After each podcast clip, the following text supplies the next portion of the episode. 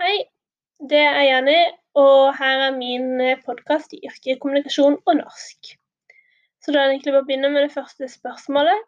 Eh, hvorfor er det så viktig å ha høy grad av sosial kompetanse innen samhandling og empati når man jobber med Hans, og hvordan kan jeg vise dette?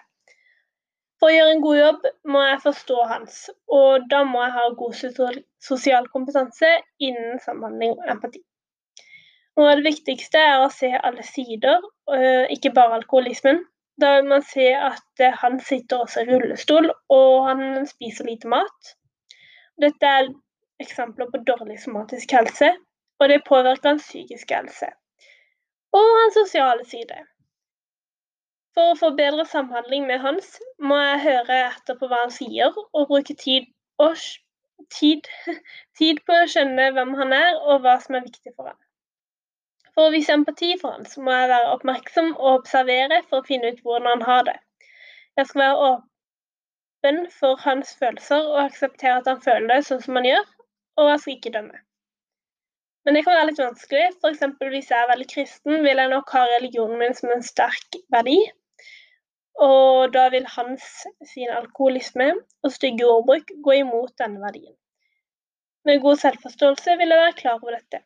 Mine holdninger er et resultat av verdiene mine, og i denne situasjonen ville jeg nok hatt en dårlig holdning mot hans og hvordan han lever livet sitt. Når jeg ikke kjenner han så godt, og han har dårlige holdninger, eller han har holdninger da, som går imot mine verdier, er det lett for meg å utvikle fordommer. I tillegg er normene i vårt samfunn at man ikke er alkoholiker, og at man faktisk er hyggelig mot andre. Eh, og Hans følger ikke disse normene. Antipati blir skapt av mine verdier og holdninger. Eh, og det er da motviljen mot å hjelpe og fordommene mot hans vil også styrke antipatien. Og siden jeg da faktisk har jobb, eller jobben min er å hjelpe hans, så er det ikke så bra å ha antipati og fordommer og dårlige holdninger. Og da er det da viktig for meg å holde meg profesjonell. Profesjonell yrkesutøvelse betyr at man konsentrerer seg om de oppgavene som skal utføres, og at man gjør de ut ifra etiske retningslinjer og regelverk. Noen egenskaper man bør ha i møtet med hans, er å ha kompetanse. Ehm, det er jo for å gjøre en god jobb.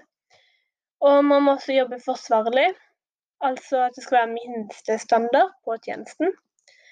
Og jeg skal ha nødvendige kunnskaper, ferdigheter og holdninger. Og så går vi videre til det tredje spørsmålet. Forklar hva forsvarlig og omsorgsfull helsehjelp er, og gi eksempler på hvilke systematiske tiltak som kan sikre kvalitet på pleien jeg skal gi.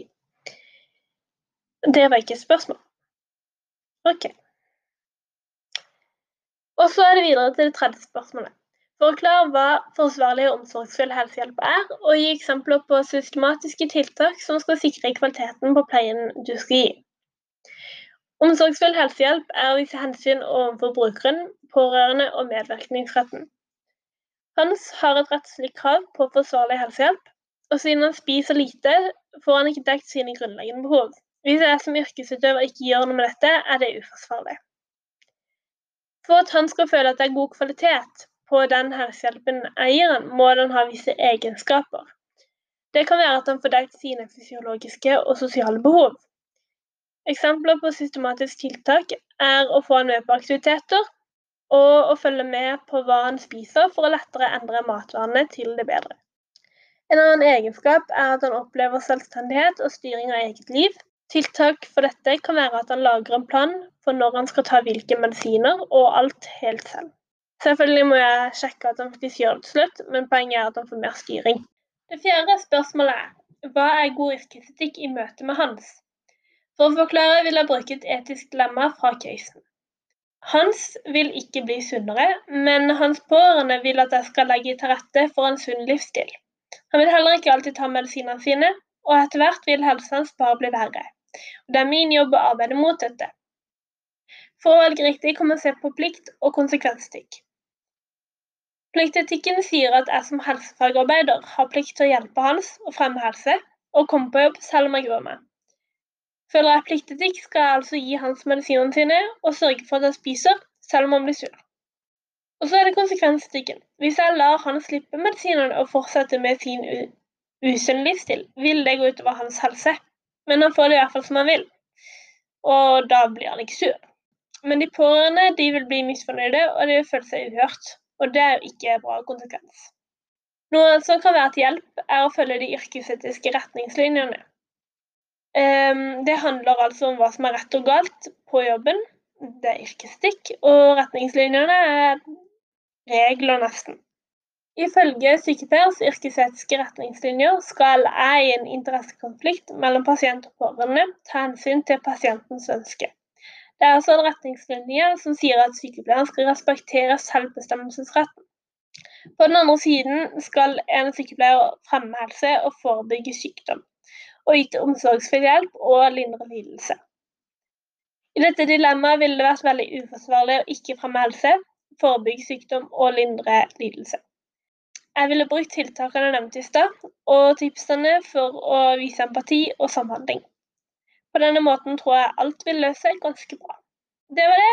Takk for meg.